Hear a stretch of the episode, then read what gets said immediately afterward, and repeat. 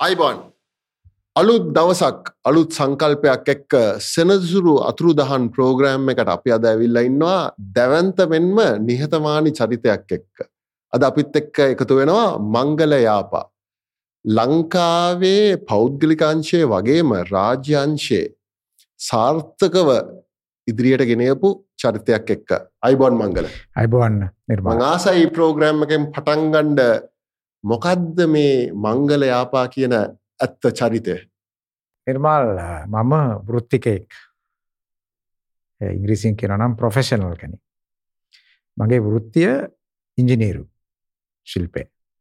හැබැ ඒක මගේ විශේෂත්වය තියෙන්නේ මම නැව් නිර්මාණ ශිල්පියෙක්.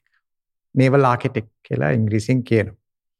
නමුත් මම ඇත්තටම වැඩිහරියක් වැඩ කරේ නැව් ආශ්‍රිතව නැව් අලුත් වැඩියාව සහ නැව් අලුතින් නිර්මාණය කරලා නිෂ්පාදනය කරන එක පසු කාලීනව මම කළමනාකරණය සහ ව්‍යවසායකත්වය ආයෝජනය පැත්තට නැඹුරු වුණා. ඉතින් දැන් බැලුවොත් මම ශේස්ත්‍ර කීපයකම කටයුතු කරනවා අවුරුදු 40ක විතර පළපුරුද්දක් අත්දැකීමකුත් එක්ක. එහෙම තමයි මම හඳුන්වන්න කැමති. රයිට් මං පටන් ගද්දිම කිව්වා මේක අලුත්ම ජාතියේ ප්‍රෝග්‍රෑම්යක් හිතට දැනන ප්‍රෝග්‍රෑම්යක්. මං ආසයි මේ නේවල් ආකිටෙක්ච ඉංජිනීරිං ගැන පටන්ගත් ඔබතුමා එක්තරා වකවානුවක රාජ්‍යංශයට තිබ්බ කළම්බ ඩොක්කයාත් සමාගම පසුකාල්නයව පෞද්ගලිකාංශයට ගෙනල්ලා දැවන්ත මෙහවරක් ඔබතුමාගේ නායකත්වය යටතේ කර. එක ඇත්තට බලුවොත් කේස්ටඩිය එකක්. අපි ගොඩක් කලාට විශ්වවිද්‍යාල පද්ධතියේ නැත්තං බිස්නස්කූල්සල කතා කරන්නේ ලෝක සන්නාම ගැන ගලෝබල් බ්‍රන්ස් කන හැබැයි මේ කළම්බ ඩොක්කයාට් කියන්නෙත් ඒ වගේ බ්‍රෑන්්ඩයක් පොඩ්ඩක් ඒ කේස්ටඩිය ගැන කතා කරමු මංගල ඔ නිර්මාල් ඒක බොහොම මේ ඇතරම සතුරුදායක මතක සටහන් ගොඩක් තියෙන කතාවක්. මම මේ මේ වෘත්තියට ඇතුළත් වෙන්නේ බොහොම අහම්බෙන් මං උපදින්නේ මේ මුත්තෙට්ටුවේ ගම කියලා බදුළු දිස්ත්‍රික්කයේ තියෙන අති දුෂ්කර පුංචි ගමක. ගමක කොල්ලෙක්. ඒ ගමේ මුහුද නැවක් තියා විදුලි බලයවත් නෑ මං පාරක්වත් නෑ බයිසිකලයක්වත් නෑ. ඉතින් එහෙම තැනක ඉපදිලා මූලික අධ්‍යාපනය ලබලා මේ වෙනකොට මේ වගේ ශේස්ත්‍රයකට පිවිසෙන්ට ලැබීම මං හිතන්නේ එක එක්තරා විදිහක ඉතාමත්ම වාසනාවන්ත දෛවේ සරදමක්ද කියලත් හිතෙනවා. එහෙම වෙන්න පුළුවන්ද කියලත් මටම ප්‍රශ්නයක් තියෙනවා. නමුත් වෙලා තියෙන නිසා එහෙම වෙන්න පුළුවන් කියන එක විශ්වාස කරන්න වෙලා තියෙනවා. එතකොට දැන් අලුතෙන් නැව් නිර්මාණය කරන්න කියලා විශ්වවිද්‍යාලයේ උපාධියක් ලබා ගන්න ලංකාවේ එහෙම කර්මාන්තයක් තිබුණෙත් නැහැ. එහෙම ශේස්ත්‍රයක් තිබුණෙත් නැහැ. ලංකාව වටේට මුහුද තිබුණට මුහුදේ නැව් ගියාට මම ඔය කියන කාලෙ වෙනකොට ලංකාවේ එහෙම ලොකු වරායවල සංවර්ධනයක් තිබුණෙත් නැහැ. නායක ශාස්ත්‍රය කියන එක තවත් එක ශාස්ත්‍රයක් විතරයි. මම කතා කරන්නේ 70 දශකේ. ඒතර 70 දශකේ තමයි ලංකා නැව් සංස්ථාව ආරම්භ කරන්නේ. ඒකත් එක්කම කොළඹ වරායේ තිබුණ වියලි තටාක තුනක් එකතු කරගෙන නැව් සංස්ථාව තුලින් බිහි වෙනවා කළම්බු ඩොක්යාඩ් කියලා ආයතනයක්. නමුත් ඒක කරන්නේ වැඩි හරියක් නැව් අලුත් වැඩියා කටයුතු. දේශීය වශයෙන් අවශ්‍ය කරන බෝට්ටු විශේෂයෙන්ම නාවික හමුදාවට වරාධිකාරියට අවශ්‍ය කරන බෝට්ටු බත්තල් ඒ වගේ දේවල් නිෂ්පාදනය කරනවා. ඒතර නැව් නිෂ්පාදනය කරනවා කියලා කරේ ඒ වැනි කටයුතු. ඉතින් නමුත් මේක සාර්ථකයි. ආයතනයක් වුණා. ඉතින් මම හිතන්නේ 77 විච්චි පෙරලියෙන් පස්සේ යුග පෙරලියෙන් පස්සේ නැසේගේ ලලිත ඇතුළත් මුදලි ඇමතිතුමා වරායනාවක වෙළඳ සහ විවිධ ශේත්‍ර ගණනාවක් ඇතුළත් ඇමතිවරයා බවට පත් වෙනවා. ඔහු විශාල පරිවර්තනයක් මේ ශේත්‍රයේ කරනවා. ඉතින් මම 1975 තමයි ඉස්සෙල්ලම අපසෝසස්පල කරේ. ලංකාවේ විශ්වවිද්‍යාලයට යන්න මට වරම් ලැබෙන්නේ නැහැ. තාමත් සීමිත අවස්ථාව කිහිපයක් විතර ලංකාවේ තිබුණේ. කෙසේ වෙතත් 78 මට හම්බ වෙනවා සෝවියට් දේශය සඳහා වැඩිදුර උසස් අධ්‍යාපනය ලබා ගැනීමට උසස් අධ්‍යාපන අමාත්‍යංශයේ ශිෂ්‍යත්. එතනදි තමයි මම තීරණය කරන්නේ මේ නැව් නිර්මාණ ශිල්පය හදාරන්න ඕන කියලා. ඒක මම ඒක හරි අහඹු අවස්ථාවක්. ඒක හිතාමතා කරපු දෙයක් නෙවෙයි. ඒ වෙනකොට මම දන්නේ නැහැ ලංකාවේ රැකියාවක් කරන්න පුළුවන්ද මෙහෙම ශේත්‍රයක් තියෙනවද? ඒ කිසිම දෙයක් මට එච්චර ලොකු කරුණ බලපාන කරුණක් උනේත් නැහැ. හැරුම් ලක්ෂයක් කියන්න පුළුවන් මංගල. ඔව්. තරම අර මුත්තිට්ටුවේ ගම පිටු මම පසු කාලීන මම ඇත්තටම කොළඹ අධ්‍යාපනය හදාරුවේ. ඒ කියන්නේ කොළඹ නාලන්ද විද්‍යාලයේ ඒ ජාතික නවෝදය හත්වෙනි වසරේ ජාතික නවෝදය ශිෂ්‍යත්වයෙන් පාස් වෙලා මට නාලන්දෙන් හම්බුණා. ඒ වුණත් ඒ වෙනකොට හිතුවේ නෑ මේ නාවික ශාස්ත්‍රයට යන්න ඕන කියලා. නමුත් මේ හරවුන් ලක්ෂය කරගෙන යන ගමන් අවසාන වසරේදී මම හිතන්නේ මගේ මාස්ටර්ස් උපාධිය සඳහා කරපු ඒ පර්යේෂණය කර කර ඉන්න අවස්ථාවේ මගේ ජේෂ්ඨ සහෝදරයෙක් ලංකාවට මේ මේ ශේත්‍රයේම ඉගෙන ලංකාවට ඇවිල්ලා කොළඹ නැවතටාකාංගනයට සම්බන්ධ වුණා. ඉතින් ඔහු එක කතා කරාම ඔහු කිව්වා මේ ආයතනය හරි හොඳයි, හරිම ඩයිනමික්, හරිම හොඳ Java-කින් ඉස්සරහට යන ආයතනයක්. ඉතින් ඉංජිනේරුවෙකුට හොඳ තැනක් වැඩ පුරුදු වෙන්න, වැඩ ඉගෙන ගන්න හොඳ තැනක්. ඉතින් ඔයත් මේ ශේත්‍රයේම ඉන්න නිසා මේකට එනවා නම් හොඳයි කියලා. ඒ නිසා මම රුසියාවේ ඉඳගෙනම තමයි ඒ කාලේ මේ වගේ විද්‍යුත් තපාල නෑ, අන්තර්ජාලය නෑ. ලියුමක් එවනවා සාමාන්‍ය තපාලෙන් ඉංග්‍රීසියෙන් කියන ස්නේල් මේල් සාමාන්‍ය තපාලෙන් ආදුම් පත්‍රයක් එවනවා මම මෙහෙම ශාස්ත්‍රයක ඉගෙන ගන්නවා. තව මාස කිහිපයකින් මම මේ ලබන වසරේ අහවල් වගේ කාලය වෙනකොට මම ඉවර කරනවා. ඉතින් මට රැකියා අවස්ථාවක් තිබේ දුබා ආයතනය කියලා කොළඹ නැවත අටාකාංගනේට. අර සරල කියන කනා ෂොට් එකක්.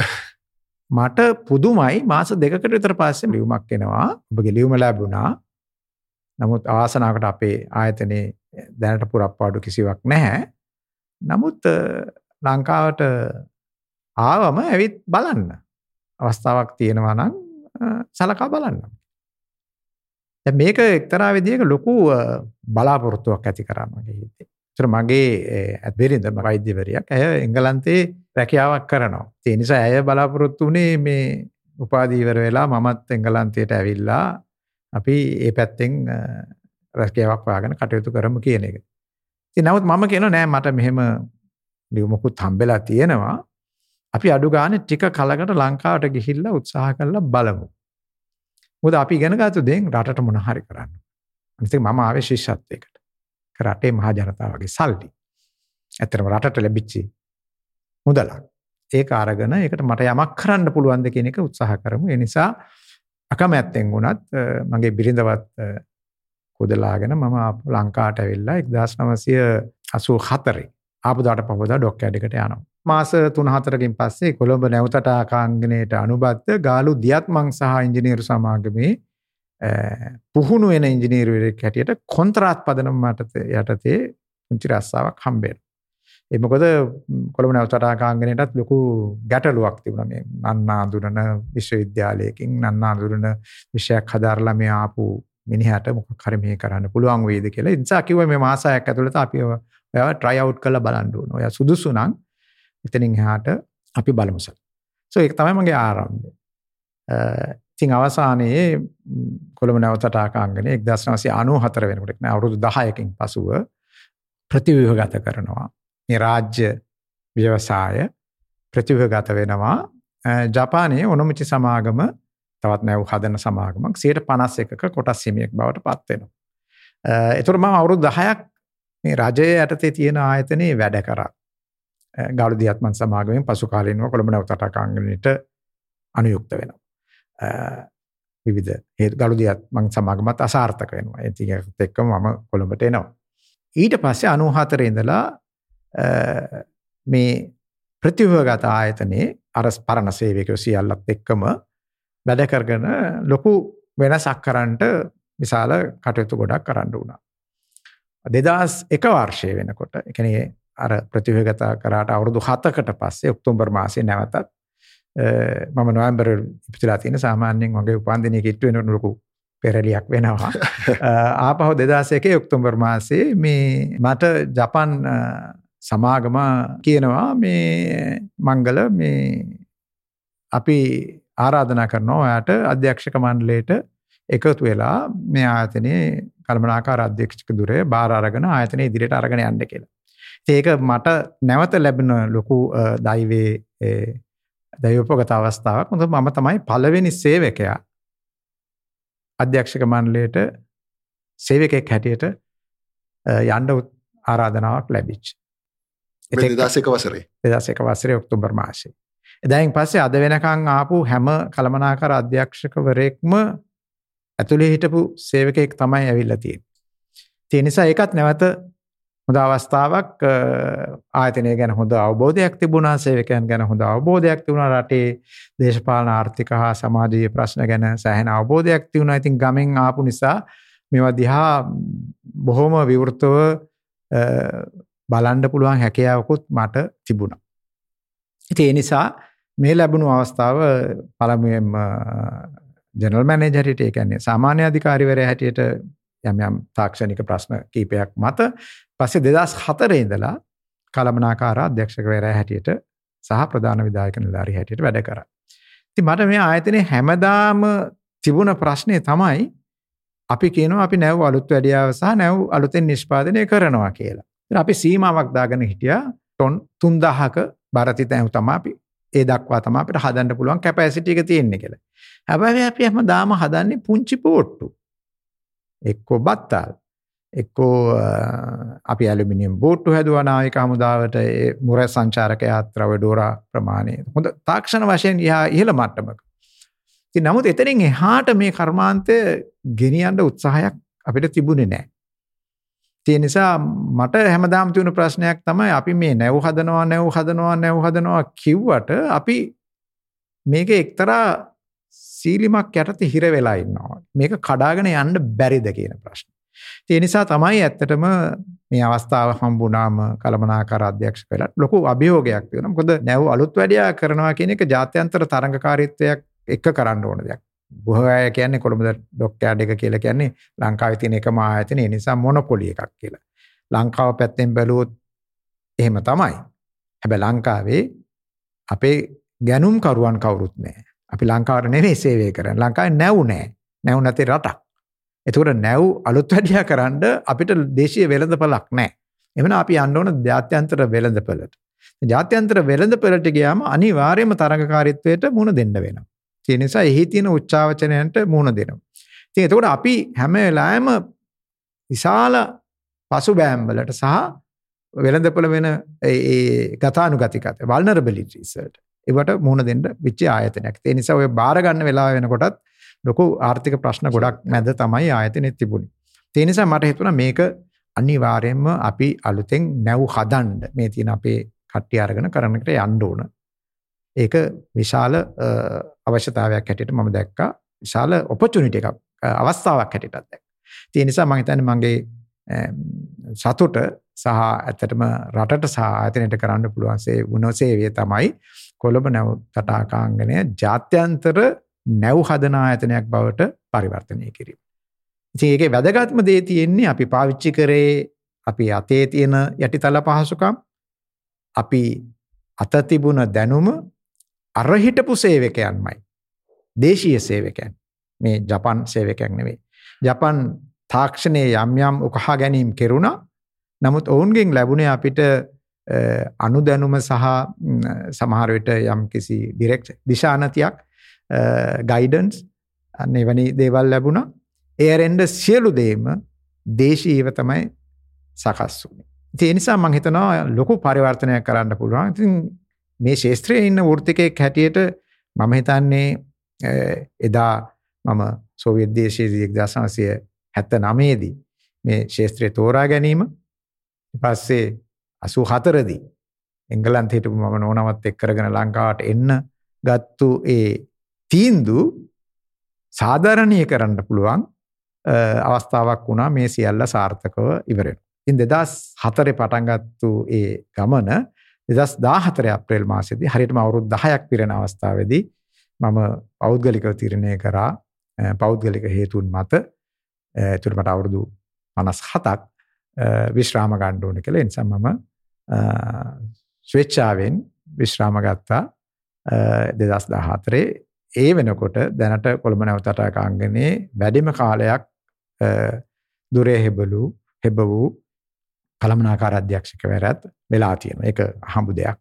රයි් මහිතන්නේ මේ ප්‍රෝග්‍රෑම් එක බලංඉන්න තාරුණ්‍යයට ගොඩක් වෙලාවට ඉන්ස්පිරේෂන් එකක් අවශ්‍යයින මංගල.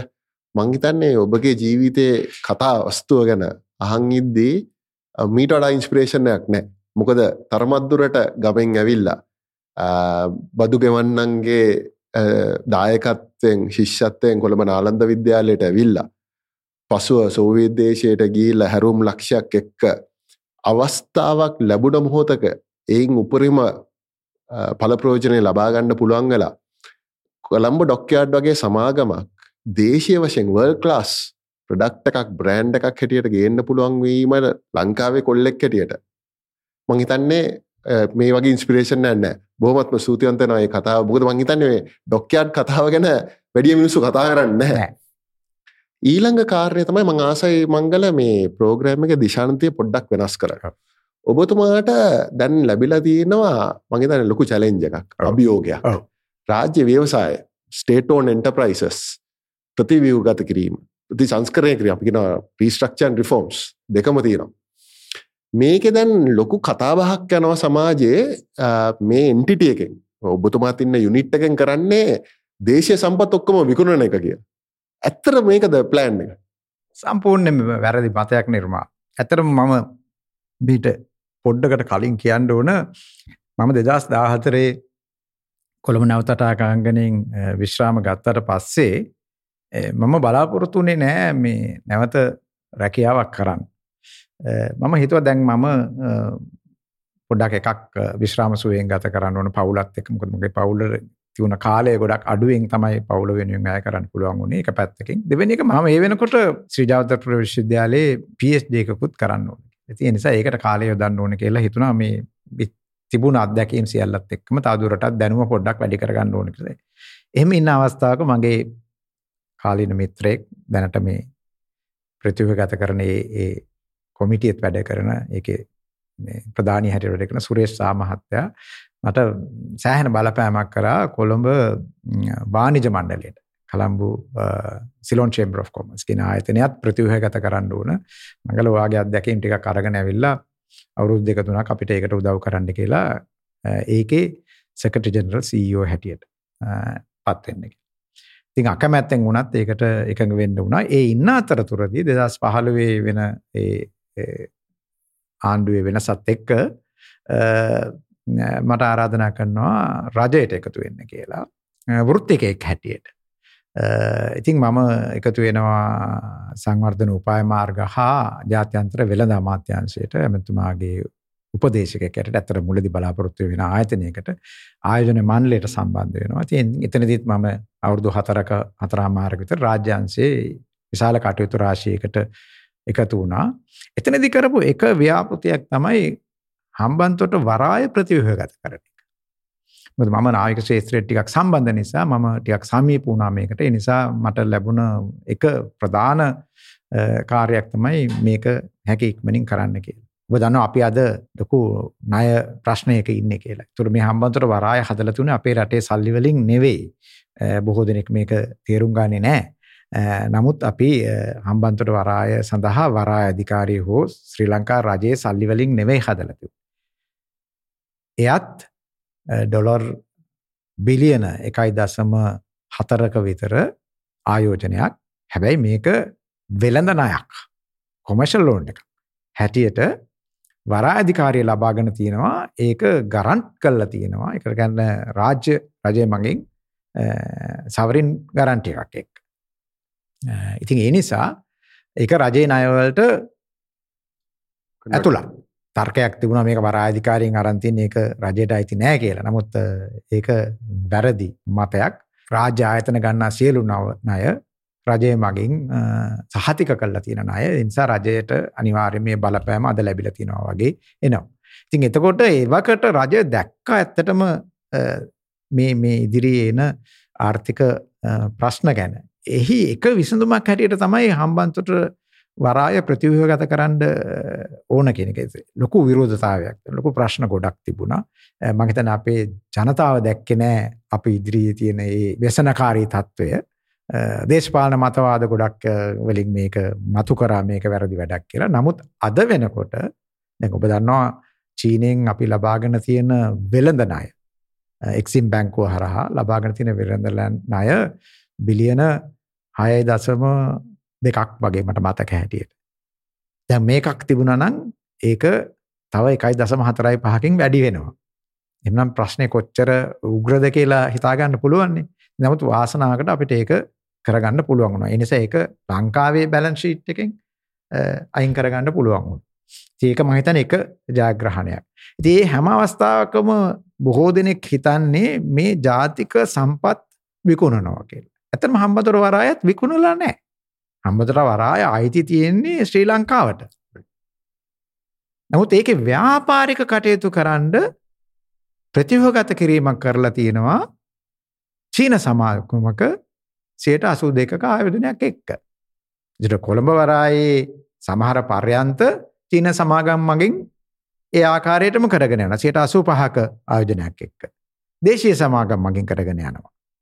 දැන් අදානි සමාගමත් එක්ක නැගෙනහිර පර්යන්තය කරන්න ගිහිල්ලා තියෙනවා.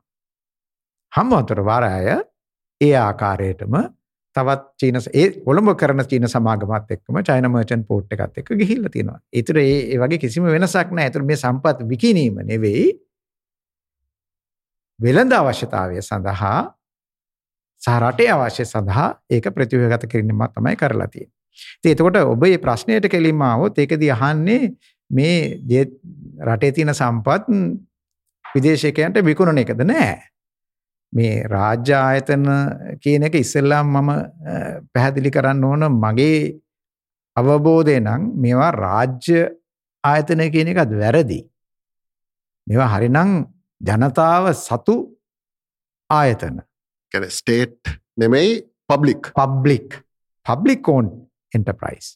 හේතුව මේවට ආයෝජනය කරලා තියෙන ජනතාවගේ බදු මුදල්. ඇතුව දේශපාලන පක්ෂයක හෝ දේශපාලන නායකයෙක්ගේ මුදල් නෙවෙයිනි. හැබැයි ඒ වගේ බලය අද තියෙන්නේ දේශපාලනඥයන් සතුව. මොකද රජය කියන්නේ රජයේ අපේ බියුරෝක්‍රසි එක තියෙනවා. අනිත් පැත්තෙන් දේශපාලනයි. නමුත් අද අපි හැමෝම දන්නේ තමයි අපේ ඉන්නේ නිලධාරී වාදයට උඩින් ඉන්නේ ලොකු දේශපාලන කණ්ඩායමක්. ඒ නිසා මේ රාජ්‍ය ආයතන කියන ඒවා ඒ දේශපාලනඥයන් නතු වෙච්ච ආයතන බවට පත් වෙලා තියෙනවා. ඉතින් ඒක මම හිතන්නේ මේ රටේ තියෙන ලොකු ප්‍රශ්නයක්. ඒ නිසා මේක විසඳිය යුතුයි. මේක ජනතාවට වග කියන ජනතාවට සේවය කරන ජනතාවට තමන්ගේ ආයෝජනයට සරිලන ප්‍රතිලාභයක් ලැබෙන ආයතන බවට මේ රාජ්‍ය ආයතන පත්විය යුතුයි. ඒක තමයි අපේ බගකි. ඒකෙදි සමහර ආයතන අපිට සියයට සීයක්ම කොටස් වෙළඳපලට විකුණන්ඩ වෙයි. දැන් වරායක් ගත්තම අපේ ආයෝජක රටේ ඉන්න බොහොම දේශ හිතයිශීන් කියනවා අපි මේකට ආයෝජනය කරනවා කියන. එතම හම්බන්තොට වරායෙත් තියෙනවා එහෙම අවස්ථාවක් තිබුණ පහුගිය පළමිනි අවුරුදු පහ ඇතුළත අවශ්‍ය නම් අර චීන සමාගමට දීපු මුදලටම සියයට දහයකට හෝ ඊට වඩා වැඩි කොටස් ප්‍රමාණයක් ලබා ගන්න පුළුවන් කියලා. කෙනෙක් මගෙන් පෞද්ගලිකව කතා කරනවා ඇයි සියයට දහයක්? මම කියවා නැතුව කොටස් 100 200 300 ගන්න ගියොත් මේක ලොකු ගැටලුවක්. ඒ නිසා තමයි 10%ක අවම ප්‍රමාණයක් තියලා තියෙන්නේ. යමෙකුට අවශ්‍ය නම් දේශීය වශයෙන් ආයෝජනය කරන්න ආයෝජනය කරන්න පුළුවන්. ඉදිරියේදී මේ රාජ්‍ය ආයතන ප්‍රතිව්‍යුහගත කරනකොට ඩයිවෙස්ට් වෙනවා නම් දේශීය සමාගම් වලට කිසිම බාධාවක් නැහැ ලන්සුවක් ඉදිරිපත් කිරීම සඳහා. ඒක නිසා මේක මේ විදේශිකයන්ට විකුණනවා කියන එක නෙවෙයි පරමාර්ථය. අපි හදන්නේ ජනතාව විසින් ආයෝජනය කියලා තියෙන මුදල්. මොකද මෙහි ඇත්තටම ප්‍රධාන කොටස් හිමියා එකම කොටස් හිමියා මහා භාණ්ඩාගාරයේ ලේකම්තුමා. ඔහු නියෝජනය කරන්නේ සමස්ත ජනතාව මේ රටේ. කෙනෙක් හිතන්න පුළුවන් මේ බදු ගෙවනවා කිව්වම මේ ඉහළ පළන්තියේ ආදායම් බදු ගෙවන මිනිස්සු විතරයි මේකට දායක වෙන්නේ කියලා. නෑ. ඔබ දන්නවා ලංකාවේ බදු වලින් 85ක් විතර වක්‍ර බදු කියලා. ඒ නිසා අගුණ පැලස්සේ භූමි තෙල් කාලා ගන්න කොටත් ශ්‍රී ලංකන් එයාලයින් එකට ආයෝජනය කරලා තියෙන්නේ. පරිප්පු 100 ගන්න කොටත් ශ්‍රී ලංකන් එයාලයින් එකට ආයෝජනය කරලා තියෙන්නේ. හාල් මැස්සු ටික ගන්නකොට ආයෝජනය කරලා තියෙන්නේ. නමුත් ඒ අයට මන් දන්නේ මේ પરම්පරාව තියා ඊළඟ પરම්පරාවවත් ශ්‍රී ලංකන් එයාලයින් එකෙන් ප්‍රතිලාභයක් ලැබෙනවද කියලා. ඒ නිසා මේක දිහා අපි විවෘතව බලන්න ඕනේ. මේ ජනතාවගේ මුදල් ආයෝජනය කරලා මේ ආයතන ඇති කරලා තින්නේ විවිධ අවශ්‍යතාවයන්. රටේ තියෙන විවිධ අවශ්‍යතාවයන් මම ඒක පිළිගන්නවා. ඒක වැරදි නෑ. නමුත් අදට ඒ ආයතන සමත් වෙලා තියෙනවාද? තමන්ගේ ආයෝජනයට සරිලන සාපේක්ෂ ප්‍රතිලාභයක් ජනතාවට අරන්ගෙන් පලවෙනි ප්‍රශ්න. රිටන් එකක් දෙන්න පුළොන් වෙලා තිනවා return on assets. Investor. බැරි නම් එතන ලොකු අසාධාරණයක් වෙලා තියෙනවා ජනතාවට. එහෙමනම් ඒක ප්‍රතිව්‍යුහගත කෙරෙන්න ඕන. ඒක පත් කරන්න ඕන ජනතාවට වග කියන ජනතාවට ආයෝජනයක් ගේන්න පුළුවන් ආයතනයක් බවට පත් වෙන්න. දැන් කොළඹ නැවතටාකංගනේ ගත්තොත් ඒක කොළඹ කොටස් වෙළඳපොලේ 149ක් විකිනෙනවා. ෂෑහෝල්ඩර්ස්ලා 3000කට වැඩි ඉන්නවා. බොහෝ විශ්‍රාමිකයන් ෂෑහෝල්ඩර්ස්ලා. බොහෝ දෙනෙක් මම කතා කරපු අය. දැන් ඔවුන්ට ඔවුන්ගේ ආයෝජනයට ප්‍රතිලාභයක් ලැබෙන්නේ නැත්නම් වාර්ෂික සම්මේලනයට ඇවිල්ලා කියනවා එම්නි මහත්තයා මගේ පෙන්ෂන් එක මන් දාලා තියෙන්නේ මේකට. ඇයි ඩිවිඩන්ඩ් එක මදි මේ සැරේ. මට අඩු ගානේ මෙච්චරක් ඕන. එහෙම අපේ හැම ජනතාවටම මේ අපේ ආයතන වලින් ඉල්ලන්න පුළුවන් තත්ත්වයක් තියෙන්න ඕන. ඒ විතරක් නෙමෙයි. මේ ආයතන සියල්ලම ණයබර වෙලා පාඩු ලබලා අකාර්යක්ෂම වෙලා දූෂණයෙන් පිරීලා මේ සියලු බර නැවත වාරයක් ජනතාවට ආයෝජනයක් ලැබෙන්නේ නැහැ විතරක් නෙවෙයි ඒ බරත් නැවත වාරයක් ජනතාව මතටම පැටලලා තියෙනවා. ඉතින් එතකොට මේවා එක විදිහකින් ආයෝජනට ප්‍රතිලාභයක් නැහැ. නමුත් මේවා හරියාකාරව කරගෙන යන්නේ නැති නිසා ඒ විච්චි සියලු විෂමතා නැවත වරක් ජනතාවගේ කර මතට පැටවෙලා තියෙනවා. ඉතින් අද ආදායම් බදු වැඩි කරලා තියෙනවා. ඒක හේතුවක් තමයි රාජ්‍ය වියදම කළමනාකරණය කරගන්න. ආදායම කළමනාකරණය කරගන්න. දැන් මේ බර එන්න හේතුව මේ රාජ්‍ය ආයතන වලින් ආදායමක් රජයට ලැබෙන්නේ නැති නිසා. නිසි ආදායමක් ලැබෙනවා නම් ඒකත් රජයට ආදායම් ලැබෙන මාර්ගයක්. එහෙනම් ජනතාවගෙන් නැවත වාරයක් බදු අය කරගන්න ඕනේ නැහැ. ඒකට ඇත්තටම මේ බොහෝ වෙළඳ ආයතන වලට ව්‍යාපාරික ආයතන වලට රජය ආයෝජනය කරලා තියෙන්නේ ඉදිරියේදී ආයෝජනයක් අපිට ලැබෙයි කියන අපේක්ෂාව මත. ඒක වෙලා නැහැ. අපේ සියලු රාජ්‍ය ආයතන ප්‍රධාන පෙළේ ඒවා බැංකු වලට ගිහිල්ලා ඇති තරම් ණය අරන් තියෙන්නේ. ඒ ණයවලට අපකරුව වෙලා තියෙන්නේ රජය. ඒ නිසා නැවත වාරයක් ජනතාව වග කියන්න ඕන. ජනතාවගේ කරමත තමයි ඒක පැටලලා තියෙන්නේ. දෙවෙනි එක ඊළඟට කියනවා අපිට මේක කරන්න බෑ. දැන් බැංකු වලින් ණය දන්නෙත් නෑ. ඒ නිසා ආණ්ඩුවෙන් දෙන්න මුදල්. අපි ෂෙයා හෝල්ඩර්ස්ලාට ගිහිල්ලා කියනවා කොටස් හිමියන්ට ගිහිල්ලා කියනවා අපිට දෙන්න තව කොටස් නිකුතුවක් දෙන්නම් සල්ලි දෙන්න. හැබැයි ඒ කොටස් හිමියන්ට අපි රිටර්න් එකක් දෙන්නේ නැත්තම්. ඒගොල්ල කියනවා නෑ නෑ නෑ තවත් සල්ලි දෙන්න බෑ. ඔයාලා ඔයාලගේ බිස්නස් එක හදාගන්න හරියට. අන්න එවැනි තත්ත්වයකට තමයි අපි අද ඇවිල්ලා තියෙන්නේ. ඒ නිසා මේක විකිණීම නෙවෙයි මෙහි මුඛ්‍ය පරමාර්ථය. සමහර ආයතන අනිවාර්යයෙන්ම විකුණන්න වෙයි. නමුත් එක එක ආයතනට ගැළපෙන ප්‍රතිව්‍යුහගත කිරීම මොකක්ද කියන එක අපි තෝරා බේරාගෙන ඒ අනුව කටයුතු කරන්න තමයි උත්සාහ කරන්න. මං හිතන්නේ ඉතාමත්ම වැදගත් මංගල එතන කතා වුණේ. දැන් තර්කානුකූලව බැලුවොත් එහෙම අපිට කියන්න පුළුවන් රජයක මූලික පරමාර්ථය පර්පස් එක ඇවිල්ලා රටක් දියුණුවීමට සමස්ත ජනතාවම සන්තෝෂයෙන් තියාගන්න පුළුවන් ප්‍රතිපත්ති සැකසීමයි. නැතුව රාජ්‍ය ව්‍යවසාය කරන එක නෙමෙයි. ඒවනට අපි ගොඩක් කලාවට අපේ ඉතිහාසය දැකලා තියෙනවා. රාජ්‍ය ව්‍යවසායකට දේශපාලතයන්ගේ මැදිහත්වීම රිජුවම තියෙනවා. අනිවාර්යම ඒක එකක්. එතකොට ඒ වගේ වකවානුවක ඔබතුමා හිතනවාද? ඔබතුමා ඇතුළු කණ්ඩායමට විවෘත්තවම අවස්ථාවක් ලබාදීලා තියෙනවා කියලා මේ ගේම එක ගහන්ඩ අවශ්‍ය විදියට. නිර්මාල් මෙහෙමයි දැ මගේ ජීවිතය දිහා බැලුවම හැමේලායම් මම බොහොම ඔප්ටිමිස්ටික් විදිහට බලපු මනුස්සෙක්න ගැන මම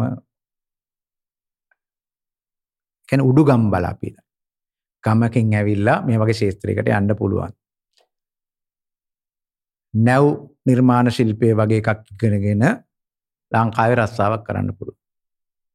රුසියාවේ ඉගෙනගෙන ලංකාවේ පිළිගත්තු වෘත්තීය වේදියෙක් වෙන්න පුළුවන්.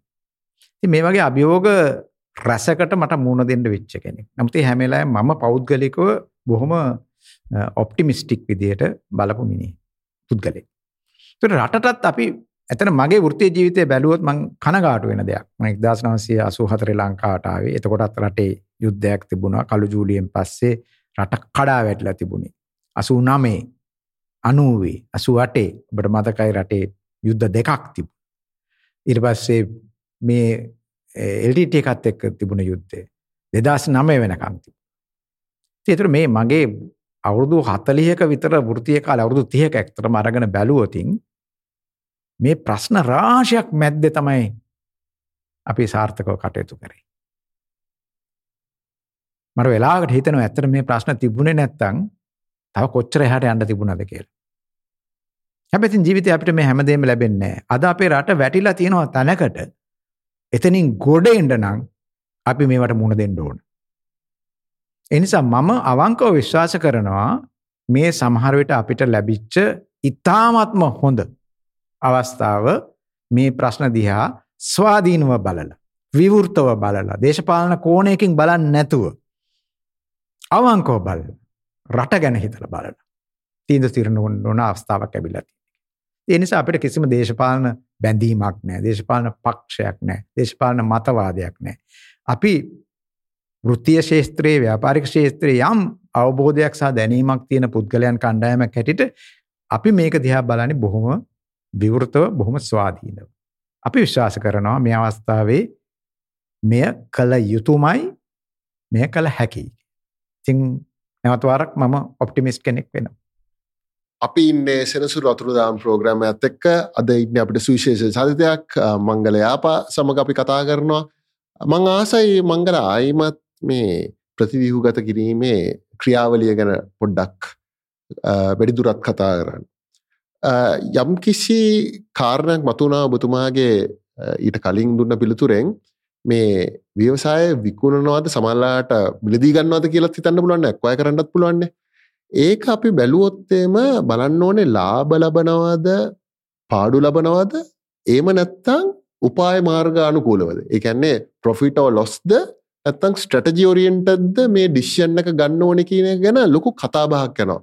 ඔබතුමාගේ අදසමොකක්ද මේ සම්බන්ධ අපේ රටේ තියෙනවා ආර්ථිකය ගත්තොත් රාජ්‍යන්සයක් සහ පෞද්ගලික අංශයක් කියලා දෙකක්. එතකොට අනිත් පැත්තෙන් රජය 1977 ඉඳලා ආරාධනා කරනවා ජාත්‍යන්තරව ගිහිල්ලා රටට ඍජු විදේශීය ආයෝජන ගේන්න කියලා. ඒකට මම කලින් සභාපතිත්වය දරපු BOI එක හදලා 1978 ඉඳලා උත්සාහ කරනවා. ආයෝජන ගේන්න. මොකද රටේ ඉතිරි වෙන ඉතිරි කිරීම ප්‍රමාණය මදි රටේ සංවර්ධනයට අවශ්‍ය කරන ප්‍රාග්ධනය සපයා ගන්න. ඒකනේ සරල හේතුව. ඒ නිසා අපි කියනවා පිටින් ගෙනලා දාන්න. ණය නෙවෙයි ආයෝජන. හැබැයි ඒකත් එක්ක එනවා තව කරුණු ගොඩක්. තාක්ෂණය, ජාත්‍යන්තර දැක්ම, වෙළඳපළ.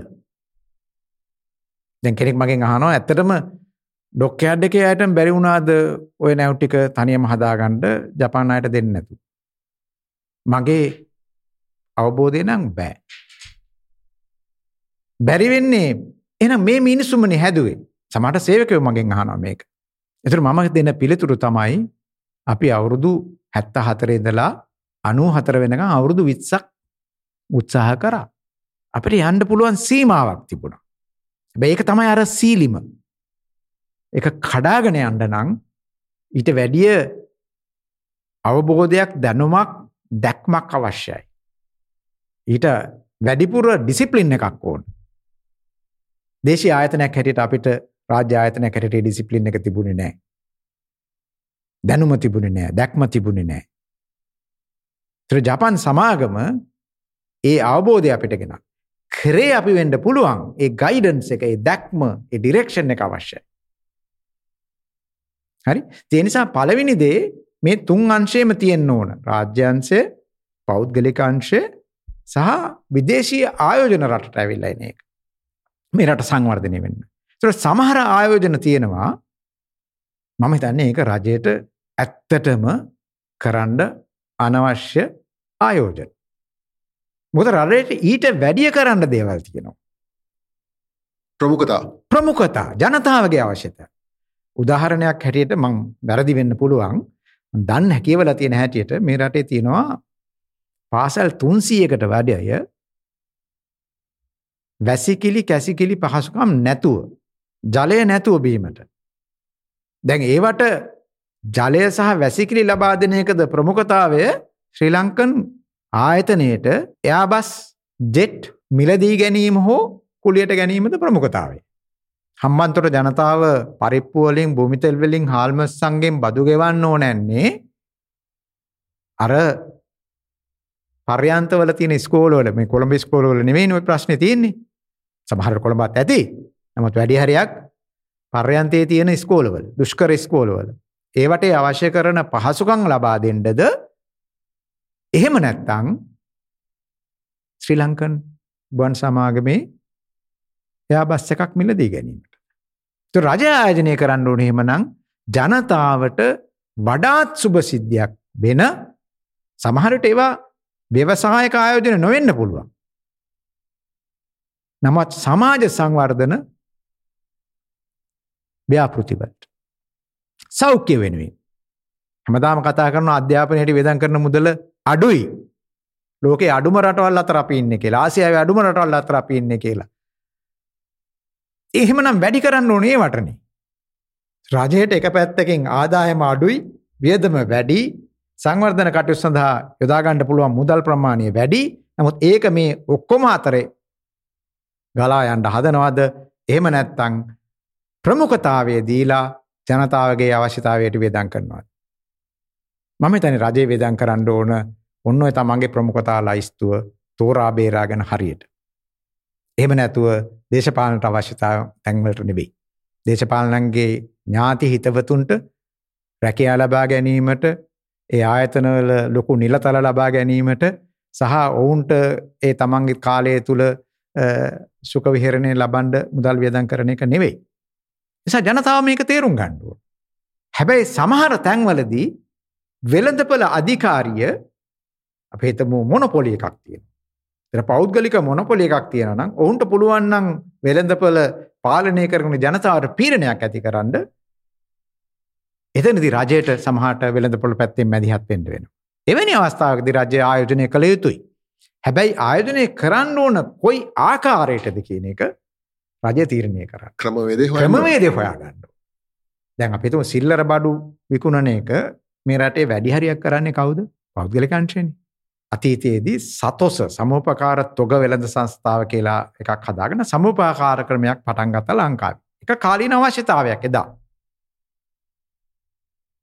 ඒ පසු කාලීන එකට මොකද උනේ? සාමාන්‍යයෙන් අපි සතොස සමූපකාරය කියලා කිව්වම ඔළුවට එන්නේ හොර ගුහාව. ක්වොලිටි බඩු නැහැ. සේවාව පල්ලැහැ මට්ටමක. ඉතින් අදත් ඒක තිබිය යුතුය. ඒක රජ ආයෝජනය කරන්න ඕනද? නැහැ. මම හිතන්නේ බොහෝ දෙනෙක් පිළිගනි ඒක අවශ්‍ය නැහැ අද කියලා. තරමත් දුරට මංගල මං හිතනවා මෙහෙම අහංගිද්දී සමස්ත ජනතාවගේ මං හිතන්නේ මේ රාජ්‍යංශයේ රැකියාවක නියලන පුද්ගලයන් විතරක් නෙමෙයි දේශපාලන අධිකාරී විතරක් නෙමෙයි සමස්ත ජනතාවගේම ආකල්පමය වෙනසක් අනිවාර්යෙන් අවශ්‍යයි කිය අනිවාර්යෙන් අනිවාර්යයි. දැන් බලන්න මම මම කොළඹ නැවතටාකාංගණයට රුසියාවේදී අයදුම් කළ ලංකාවට ඇවිල්ලා අයදුම් පත්‍රයක් ඉදිරිපත් කරාම මම මොරටු විශ්වවිද්‍යාලයටත් අයදුම් පත්‍රයක් දානවා. తాවකාලික සහායක අධිකාරී. මට ওই දෙකේම රැකේ අවස්ථාව ලැබෙනවා. මොකද මොරටු විශ්වවිද්‍යාලයේ වෙනකොට නාවික ඉංජිනේරු ශිල්පයේ NDT පාඨමාලාව පටන් අරගෙන එනිසා කියන ඔබ ඉගෙනගෙන තියෙනවා නැව් නිෂ්පාදනය නිර්මාණශීලී ඒක හොඳයි. ඒ නිසා එන්න ඔබට මෙතන ස්ථිර රැකියාවකට යන්න පුළුවන්. නමුත් මම හිතනවා මම ඉගෙන ගත්ත දේ මම ඉන්ඩස්ට්‍රි එකට යන්න. ඇකඩමියාකට නෙවෙයි.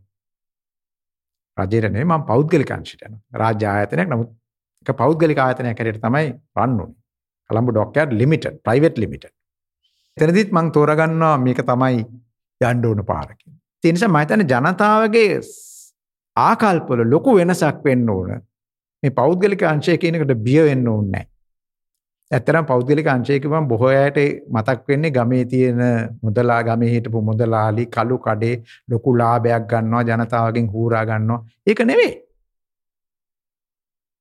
අද පෞද්ගලික අංශය කියලා කියන්නේ තාමත් තරඟකාරී විදියට වෙළඳපළට බහැලා ගුණාත්මක භාවයෙන් තියෙන භාණ්ඩ හා සේවාවන් ජනතාවට Tamanට පහසු ආකාරයට ලබා ගන්න පුළුවන් විදිහට ලබා දෙන එක. අපි හිතමු ප්‍රතිව්‍යුහගත කරන්න කලින් ලංකාවේ ටෙලිෆෝන් එකක් ගන්න නම් අවුරුද්දක එකහමාරක විතර ලිස්ට් එකේ ඉන්න ලිස්ට් එකේ ඉන්න ඕන. අද ඒ ආයතනයත් කතා කරොත් ගෙදරට ඇවිල්ලා ඇප්ලිකේෂන් එකක් ඔන්ලයින් පුරවලා ටෙලිෆෝන් එකක් ලබා දෙයි. ඒතර ජනතාවට අවශ්‍ය ටෙලිෆෝන් එක පාවිච්චි කරලා තමන්ගේ අවශ්‍යතාවය ඉෂ්ට කරගන්න එකද නැත්නම් බියුරෝක්‍රසි එක. මම හිතන්නේ ජනතාව මේ ආකල්ප මේ වෙනස අපි හිතමු ටෙල්කෝ ආයතනයක වැඩ කරනවාද රාජ්‍යාංශයේ ටෙල්කෝ ආශේ. සමහරට වැටු වශයෙන් වැඩි පෞද්ගලික අංශ. මට පුංචි උදාහරණයක් තියෙනවා. දැන් මම කියවනේ අපේ සේවකයෝ 3000ක් විතර හිටියා කොළඹ නැවතටාකාංගනේ එක ප්‍රතිවියෝගත කරනවා. ඒ වෙනකොට 94 වෙනකොට රටේ ඇතිවෙච්ච දේශපාලන හැලහැප්පීම් එක්ක වාමාංශික වෘත්තීය සමිති බොහොම ප්‍රබල ලෙස අතිග්‍රහණය කරලා තිබුණේ කොළඹ නැවතටාකාංග. ඒ නිසා මේ ප්‍රතිව්‍යුහගත කිරීම බොහොම රහසිගතව කරගෙන ගියේ.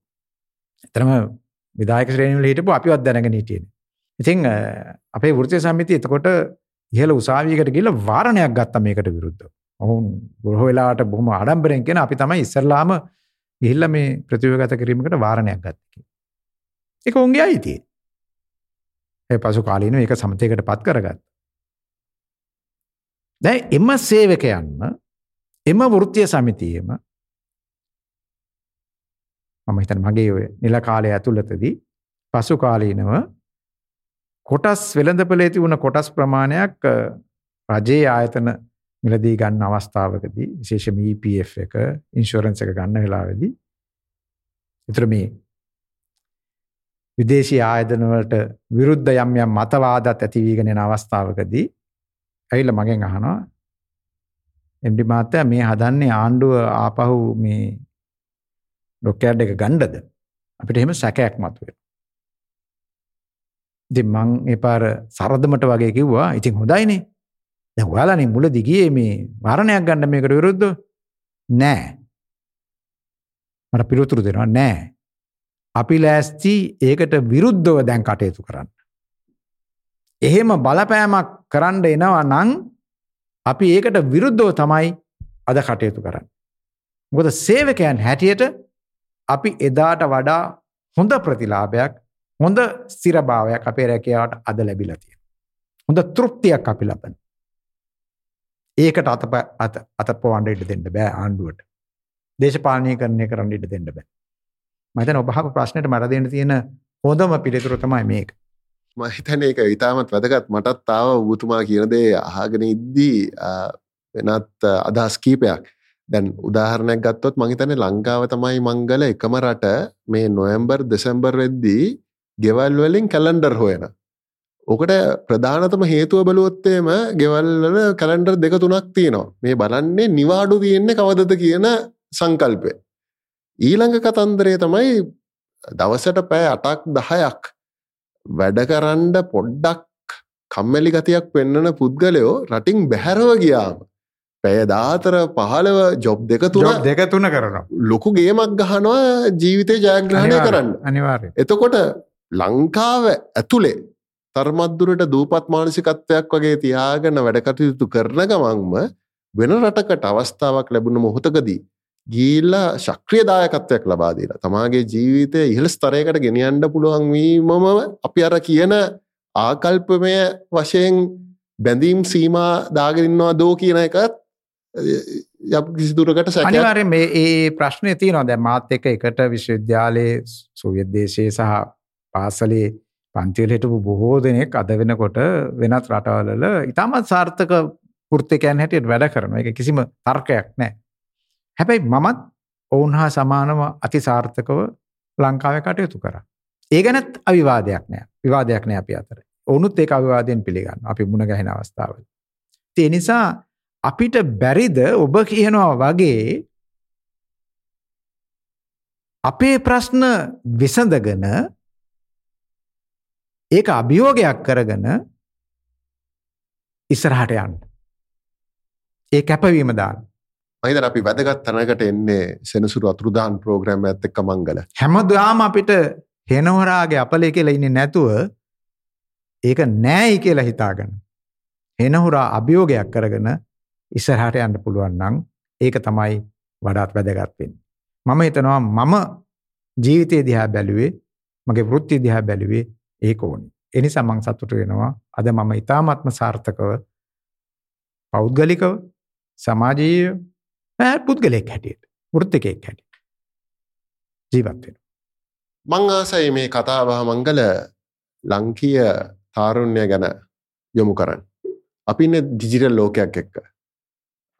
මේ ජෙනරේෂන් එක අනිවාර්යෙන්ම අපි දන්නවා මෑත ඉතිහාසයේ අපේක්ෂා බංගත්වයකට ලක්වෙච්ච සමාජයක්. ගොඩක් අය බලන්නේ රටින් නික්මයම්. ඒක මංම විශ්වවිද්‍යාල පද්ධතියේ අපි දායකත්වයක් ලබා දෙන තැනකදී අපි අහුවම රයිට්. ඩිග්‍රියකෙන් පස්සේ මොකක්ද කරන්න බලාපොරොත්තුව කියලා ගොඩක් අය කියනවා. සමල්ලාට රාජ්‍යංශය ජොබ්යක් වාග හැබැයි මෑත කාලයේදී මම සංචාරයකට කලාපිය රටකට ගිය අවස්ථාව ඉන්දියාවේ මංගල සම වයස් සීමාවේ ඉන්න තාරුණ්‍යත් එක්ක විශ්වවිද්‍යාල පද්ධතිය ඉන්න ඇත් එක කතා කරාම මොකක්ද ඔබේ ඊළඟ පියවර? මට පුදුමාකාර වුණා. ඒගොලන් කියනවා අපි මේ දවස්සල ඉන්වස් කරන්න හදනවා රට ලෝකෙ බලන්න.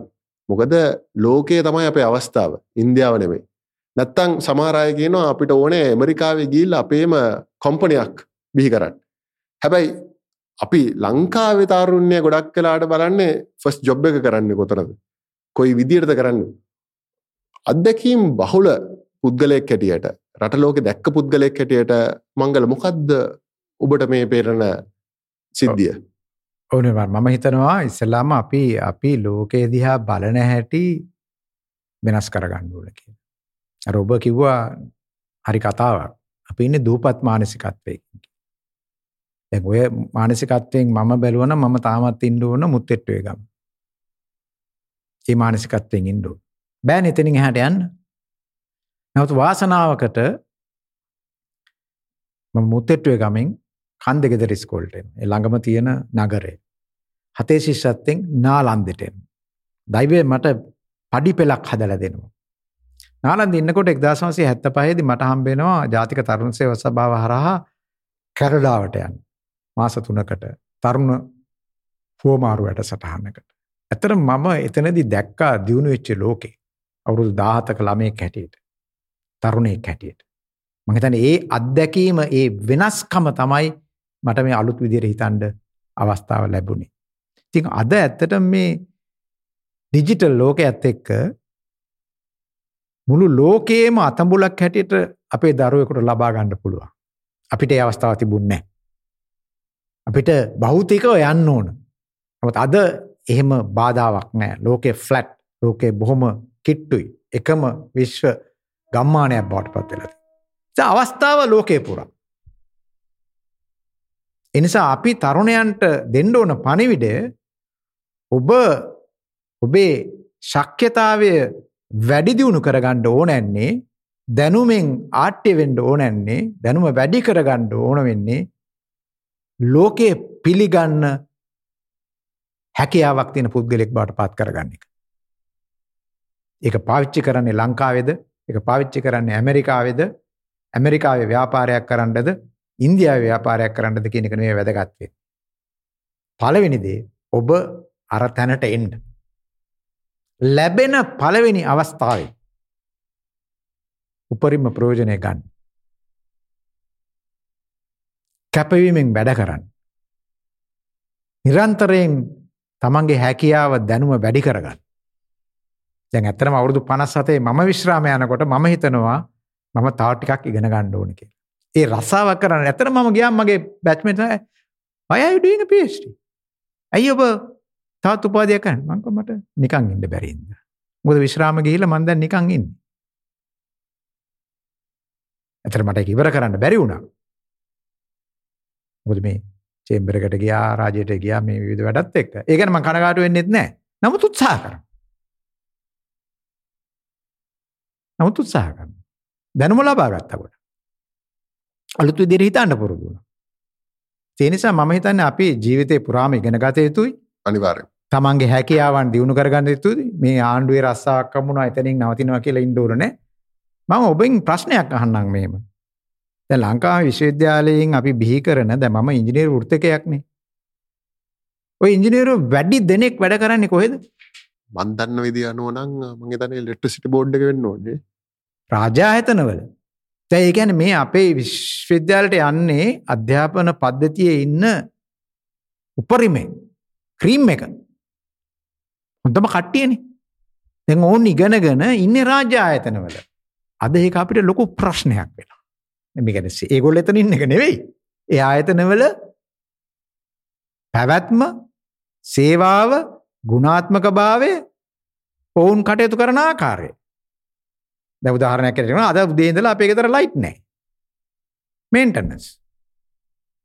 දැන් සුමාන දෙක තුන කලකුත් දවසක් නැහැ මේන්ටනන්ස්. දැන් හිතන්නකෝ මම කොළඹ නැවත රාකාංගනේ වැඩ කරා නැව් හදන එක මට දවසකට නවත්තන්න පුළුවන්ද කියලා. බෑනේ. එහෙමුණුත් මිනිස්සු 3000ක් රසාවල් නැහැනේ. වැඩ කරන්න බෑනේ. පඩි ගෙවන්න ඕනනේ. ඒකට තමයි අපි අපේ දැනුම පාවිච්චි කරන්න මේවා කළමනාකරණය කරන්න. දැන් ඒක ෆේල් වෙලා කියන එක පේනවා. ඒතර මේක රුත්තිකයන් රස ඇත්තට මේක අපි අතේ තියෙන ලොකු ප්‍රශ්නයක් මං හිතන්නේ නෑ මගේ මිතුරන් මගේ සමකාලීන වෘත්තිකයන් ඔවුන්වත් මේක තේරුම් ගන්න. ඔවුනුත් මේ ට්‍රැප් එකට ට්‍රැප් වෙලා ඉන්නේ. ඔවුන් අවබෝධ කරගන්න ඕන ඇයි අපිට මේ ප්‍රශ්න වලට විසඳුම් හොයන්න බැරි වුණේ? ඔවුන් වෘත්තිකයන් හැටියට වැඩ කරා නම් ඔය දේශපාලන බලපෑම් වලට යටත් වෙන්නේ නැහැ. ඔවුන් මීට වැඩිය ජනතාවට වග කියන කණ්ඩායමක් හැටියට පත් වෙන්න තිබුණා. ඉතින් ඒ නිසා මම හිතනවා පෞද්ගලිකාංශයේද රාජ්‍යාංශයේද මේ රටේද නැද්ද කියන එක නෙමෙයි වැදගත් වෙන්නේ. කොහේ වැඩ කරත් තමන්ට පුළුවන් හැකි උපරිම ආකාරයට තමන්ගේ හැකියාවේ ප්‍රමාණයට හැකියාව වැඩි දියුණු කරගමින් වැඩ කරගන්න. ඒ නිසා මම හිතන්නේ අපි අධ්‍යාපනයෙන් බලාපොරොත්තු වෙන්නේ අතරම නිදහස් අධ්‍යාපනය අපි තියෙන්න ඕන. මමත් එහි ප්‍රතිඵලයක් ඔබත් එහි ප්‍රතිඵලයක්. බොහෝ දෙනෙක් ඒක අපි අගය කරනවා. රටේ මිනිස්සුන්ගේ සල්ලි මම සමහරලාට විශ්වවිද්‍යාලයට ගිහිල්ලා කතා කරාම කියනවා ඔය කලාංශයේ උපාධියක් වගේ නෙවෙයි. වෛද්‍යංශයේ ඉංජිනේරු අංශයේ එක උපාධිධාරියෙක් බිහිකරනද රටේ මිනිසු දෙන්නෙක් සමහරට තම ජීවිත කාලයේම වැඩ කරන ආයෝජනය කරන්න. ඒත් අපි ආපහු දෙන්නේ මොකද්ද? අපිට ඊට වැඩි දෙයක් දෙන්න බැරි නම් මම අපි කනගාටු වෙන්න ඕන. අපි අසාර්ථකයි. ඒක වෘත්තිකයන්ට තියෙන අභියෝගයක්. මගේ ඇස්වලට කඳුළු ආවා එක තාක්ෂණ උපාධි ප්‍රධානස්වයකදී මම ප්‍රධාන අමුත්ත හැටියට ආරාධනයක මම දන්නේ නැති ආයතනයක. නම මමුත් ගියා කීනෝට් ස්පීච් එකක් දෙන්න. කියලා මම හඳුන්වලා දෙනකොට කිව්වා මට පැහැදිලිවම කියන්න පුළුවන් හඳුන්වා දීපු පොත්ක මට නමත් මතක නැහැ. මංගල යාප මහත්තයා මේ රටට ණය නැහැ කියලා. එතන ඒක වෘත්තිකයක් හැටියට ඔබට ලබා ගන්න පුළුවන් ඉහළම ගරුත්වය. අනිවාර්යෙන්. ඉතින් ඒ තැනට ඔබටපත් වෙන්න පුළුවන්. ඒ නිසා අපේ තාරුණයට දෙන්න තියෙන පණිවිඩය නම් කිසිම දෙයකින් සැලෙන්න එපා. මේ රට ප්‍රශ්න ගොඩක් මැද ඉන්නේ. නමුත් අපි අතීතයේ බැලුවොත් මේ රට හැමදාම හොඳ තත්ත්වයක නෙමෙයි තියලා තියෙන්නේ. විවිධ ප්‍රශ්න. රට වෙනස් කරන්න පුළුවන් මේ රටේ තාරුණ්‍යයට. ඒ නිසා ඔවුන් අනිවාර්යයෙන්ම මේකේ පෙරමුණ ගන්නු. මම කියනවා මේකට රෙවලූෂන් එකක් නෙවෙයි එවලූෂන් එකක් කරන්න ඕනේ. Re evaluation. අපි කරන්න ඕන එවලූෂන් එකක්. මෙතනින් එහාට කොහොමද අපි පරිවර්තනය වෙන්නේ කියන එක ගැන හිතන්න ඕන කියලා. ඔබතුමා එක්තරා කාලයකද ආයෝජන මණ්ඩලේ සභාපතිත්වය දරනවා. ඒ වෙලාවේ ඔබතුමාත් බලන්ඩ ඇති ලංකාවට ආයෝජන ගේන්ඩ. දැන් ඒ වකවානුවේ මෙන්ම අදටත් කලාපිය රටවල් වල ගොඩක් ආයෝජයකයෝ හොය හොය යනවා ආයෝජනය කරන්න අපි සමහරලාට අර චර්ල භාෂාවෙන් කියරනම් වැදලා ගේන තරමටම වගේ ෆුල් ට්‍රයි එකක් දෙනවා ලංකාවට ආයෝජන ගේන්ඩ ඔබ දකින්නේ ප්‍රධානතම හේතු මොනවාද? සමහර ආයෝජන ගලාගෙන එනවා වෙළඳපළ බලාගෙන. අපි තේරුම් ගණ්ඩ ඕන ලංකායි වෙළඳපළ කියන ඉතාමත්ම කුඩා වෙළඳපලා මිලියන වෙසි දෙකක් ජනගහනය කියල කියන්නේ ලොකු වෙළඳපලක් නෙවෙයි. තෙනිසා වෙළඳ පෙළ බලාගෙන ලංකාවට එන්නේ නෑ. දැන් ඉන්දියාවට හරි චීනයට හරි කවුරු හරි ආයෝජනය කරන්න යනවා නම් බිලියන එකකට වැඩි ජනගහනයක් ඉන්න වෙළඳපළක්. අපිතුමු වාහන නිෂ්පාදනය කරන ආයතනයක් කියලා. සුසුකි කම්පනිය කියලා. ඉන්දියාවට ගියොත් ඔවුන් දක්නවා තා විශාල වෙළඳ පරාසයක් ඉන්දියාව ඇතුළේ තියෙනවා සුසුකි කාර් හැදුවා. තර ලංකාව ඒ තත්වේ නෙවෙයින් එක එක ප්‍රශ්නය. එහෙමනං අපි කම්පිටිටව් වෙන්න. එෆිෂන්සි බේස්ට එෆිෂන්සි බේස්ට ඉන්වස්මන්් කියලා අපි කතා දර අපිට යන්න තියන්නේ එෆිෂන්සි පැත්තර නමුත් අපේ තියෙන්නේ මොකක් හැම්ම තැනම ඉනිෆිෂන්සි හැම තැනම බිරෝක්‍රසි ඊස් of ඩියම් බිස්නස් එකන්නේ ව්‍යාපාරයක් කරන්න තියෙන පහසුකම කියන එක ලංකාවේ ඉත්තාමත්ම පල්ලහැ මට්ටමක තියෙන. කම්පනියක් රෙජිස්ට කරගණ්ඩ බෑ. මොනාහරි ගොඩනෑන ලයිසන එකට ගටියොත් තැන් දහයකට පහලෝකට කී වතාවක් නම් යන්න ඕන. බදු ගෙවන්න කොච්චර අමාරුද. ආණ්ඩුවට බදු ඕන පොඩ උත්සාහ කල බලන්න බදු ගෙවන්න කොච්චර අමාරුද ලියාපදිංචිවෙන්. එනිසා ලංකාවේ මේ පහසු කරණය විශාල ප්‍රතිවගත කිරීම රාශිකට යන්න මගේ තැන දැනට අයම එකනුත් කියන සමහර ප්‍රතිසංස්කරන මෙවැනි ප්‍රතිසංස්කරන. ඒව කාලයක් තිස්ස අපි කරලා නෑ. එක රජයකින් යන්තන් හරි පටන් ගන්නකොට අනිත් රජය ආපස්සට යනවා. මේ ගෝ නෝගෝ පොලිසිස්. ඉස්සරහට යනවා අඩිගානක් පස්සට යන. ඒක ලොකු ප්‍රශ්නයක්. නිවැරදි ප්‍රතිපත්තියක් නෑ. වෙළඳ ප්‍රතිපත්තියක්. ආයෝජන ප්‍රතිපත්තියක්. සංවර්ධන ප්‍රතිපත්තියක්. එහෙම ප්‍රතිපත්ති නෑ. තුර ආයෝජක කැවිල සල්ලිදායිද අද මේ ප්‍රතිපත්තිය අවුරුද් දෙකකින් දෙස චන්දකට පස්සේ වෙන ප්‍රතිපත්තිය. එහෙම ඉන්ස්ටැබිලිට එකක් තියෙන්ට පුළුවන්. Political instability. දේශපාලන දැක්මක් නෑ. ඉති මම තැන ඒ විතරක් නෙමේ. රටේ කම්පිටන්ස් තාම ශ්‍රම බලකායන් සියයට තිහක් ඉන්නේ කෘෂිකර්මාන්. අපේ උගත් විශ්වවිද්‍යාලයෙන් එලියට එන සංඛ්‍යාව සියයට හතරයි දසම තුනයි. මම ඒගොල්ලන්ගේ හරි ශක්්‍යතාව තියන කියල කියන්නේ නෑ අඩුතරමින් උපාධියත් තියෙන. ඒ බොහෝ දෙනෙකු තවරුදු හතරක් පහක් පුහුණු කරන්න ඕන පුරුදු කරන්න ඕන හරියට වැඩ කරන්න මම අත්දැකීමෙන් කියන්න. ජනිසා රටේ මේ ප්‍රශ්නවලට ආණ්ඩුව විසඳුම් හොයන්ඩුවන්. එහෙම නැතු රට ආයෝජන එන්නේ නෑ. ආයෝජන එන්නේ නැත්තං ප්‍රධානම් ප්‍රශ්නය වෙන්නේ අපේ මේ වෙළඳ ශේෂය සකස් කර ගැනීම අපහසු වෙනවා. ගොද අපේ තියෙන්නේ ප්‍රාථමික බාණ්ඩ තේ පොල් රබර් ගම්මිරිස්. අපි ගම්මිරි ඉන්දියාවට යවනයක් ගැන කතා කරන මම කියන මම නැව් හතරක් යවන්න පුළුවන් ඉන්දියාවට හදල.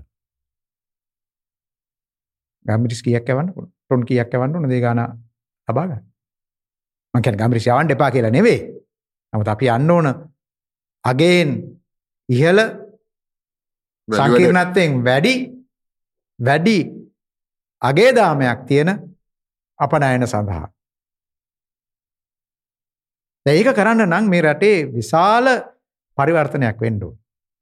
මතන ඒක ජනතාවට අවශ්‍යයි. තරුණයන්ට අවශ්‍යයි. ඔවුන් අරගලේ ඇතුළු හැමතැනදීම කියා සිටින්නේ ඒක සිස්ටම් චේන්ජ් එකක් කියලා. හැබැයි ඒක කරන්න දේශපාලන වශයෙන් උත් අපි ඉස්සරහට යන්න ඕනේ. එහෙම නොවුනොත් නැවත වාරයක් අපි මේ අර්බුදය ඇතුළතම පැටලලා ඉන්නවා. ඉතින් ආයෝජන ආවේ නැත්නම් අපිට මේ සංවර්ධන වේගය රඳවා ගන්න බෑ. 6ක 7ක සංවර්ධන වේගයක් තියාගත්තේ නැත්නම් අපිට බැරි වෙනවා. අපේ වෙළඳ ශේෂයේ ප්‍රශ්න එනවා. අපේ අපනයන ප්‍රමාණය අඩු වෙනවා.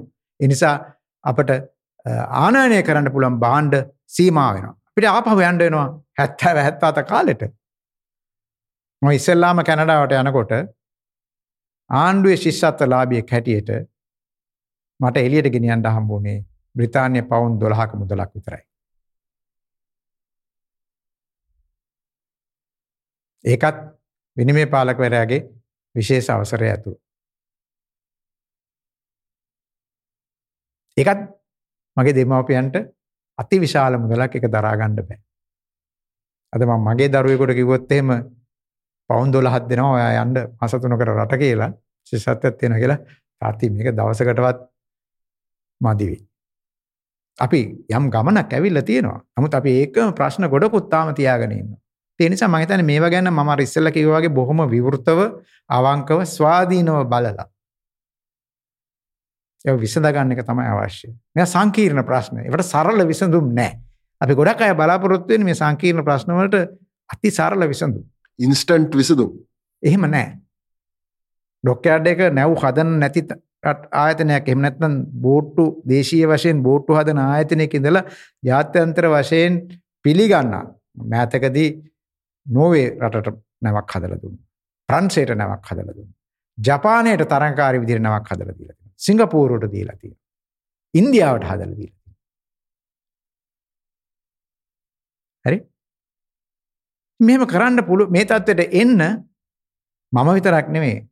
බොහෝ දෙනෙක් අතිශය දෙස කැපවීමකින් කටයුතු කරන්න. ඔවුන් බොහෝ දෙනෙක් ලාංකිකය. ඇත්තටම මම හිතන්නේ 100%ක්ම ලාංකිකය. ඒ කැපවීම ප්‍රතිඵලයක් හැටියට තමයි ඒක කරන්න පුළුවන් වුනේ. ඉතින් ඒකෙන් පේනවා හරි දැක්මක් තියෙනවා නම් හරි අවබෝධයක් තියෙනවා නම් අපි අතර විනිවිද භාවයක් තියෙනවා නම් කරන දේ පිළිබඳව කරන්න බැරි දෙයක් නැහැ. මගේ දැක්ම තිබුණ ඩොක්කෑඩ් ඇතුළේ ඉතා සරලයි. වෘත්තීය සමිතිය ඇතුළේ සියලුම සේවකයන් මම කිව්වේ මේ තාප්ප හතර ඇතුළේ කරන්න බැරි දෙයක් නැහැ. හැබැයි අමාරු වෙන්නේ කරන්න ඕන පළවෙනි වැඩේ මොකද්ද කියලා තේරුම් ගන්න. ඒ ප්‍රමුඛතා ලයිස්තුව හදාගන්න එක තමයි අමාරු ඒ සඳහා අපිට ගොඩාක් කතා කරන්න. මම හිතන්නේ ඊ타මත්ම වැදගත් සංවාදයක් මංගල. සෙන්සුර් අතුරුදාම් ප්‍රෝග්‍රෑම් එකේ අද අපි ගොඩාක් දේවල් කතා කරා. මම හිතන්නේ ඔබතුමා දැන් බාර අරගෙන තියෙන අභියෝගය මං හිතන්නේ නිහතමානීව ඔබතුමා දන්නා මේක අපිට විසදිය හැකි ප්‍රශ්නයක් සංකීර්ණ ප්‍රශ්නයක් වුණත් විසඳන්න පුළුවන්. මම හිතන්නේ ශ්‍රී ලාංකිකයන් හැටියට අපේ හැකියාවන් ඔබතුමාත් දන්නවා මාත් දන්නවා. අවසාන වශයෙන් මංගල ශ්‍රී ලාංකීය තාරුණ්‍යයට ඔබ දෙන පණිවිඩය මොකක්ද ධනාත්මකව හිතන ගමන්ම ඔබතුමා දෙන පණිවිඩය මොකක්ද මම හිතනවා අපි ඉස්සෙල්ලාම තේරුම් ගන්න ඕන අපි ඉන්න අමාරු තත්ත්වය. ඒකට විසඳුම මේ දූපතෙන් එළියට ගිහිල්ලා එළියේ ස්වර්ගය හොයාගෙන යන එක නෙවෙයි කියන එකයි මගේ පණිවිඩය. එහෙම යනවනම් එක කෙටි කාලීන අවස්ථාවක් කරගන්න. ගිහිල්ලා ඉගෙන ගන්න. ගිහිල්ලා අලුත් දෙයක් හොයාගන්න. හැබැයි ආපහු එන්න. ඔබේ දැනුමත් එක්ක එන්න. ඔබේ ආයෝජනයත් එක්ක එන්න. ඔබේ වෙළඳ සම්බන්ධකම් එක්ක එන්න. ඔබේ නෙට්වර්ක් එකත් එක්ක එන්න. ඇවිල්ලා රට ගැන හිතන්න. ලංකාවේ ඉන්න අයට අලුත් විදියකට හිතලා රට හරි අතට ගෙනියන්න. අනිවාර්යයෙන්ම. මං හිතන්නේ මං අද පටන් ගත්තේ ප්‍රෝග්‍රෑම් එක සෙනසුරු අතුරුදාන් කියන්නේ වෙනස් ප්‍රෝග්‍රෑම්යක් අපි ඩිරෙක් කතා කරනවා. සංකීර්ණ ප්‍රශ්න ගැන ඩීප් ගීල්ලා මොකක්ද මේකට විසඳුම් ගැන කතා කරනවා. අපි ප්‍රතිපත්ති ගැන අද කතා කරා. අද අපිත් එක එකතුනේ මංගල යාපා. නිහතමානි චරිතයක්. රට දෑයට සේවය කරපු පුද්ගලයෙක් ඒ වගේම මාතෘභූමියයට නයක් නැති පුද්ගලේ බොහොමත්ම ස්තුති මංගල. අදැවිල්ලා ශ්‍රී ලංකික තරුණයට මේ ප්‍රෝග්‍රෑම් එක හරා ඉන්ස්පිරේෂණ දෙන ගමම්ම යථාර්ථය වටහාදීලා ඒගුලන්ට මේ අවස්ථාවලින් උපරිම ප්‍රෝජනය ලබාදීමට ඔබතුමාගේ කාලය ලබාදීම ගැන බොහොමත්ම සුතිරම් බොහොම ස්තුතියි. අවස්ථාව ලබාදුනට නිර්මාල්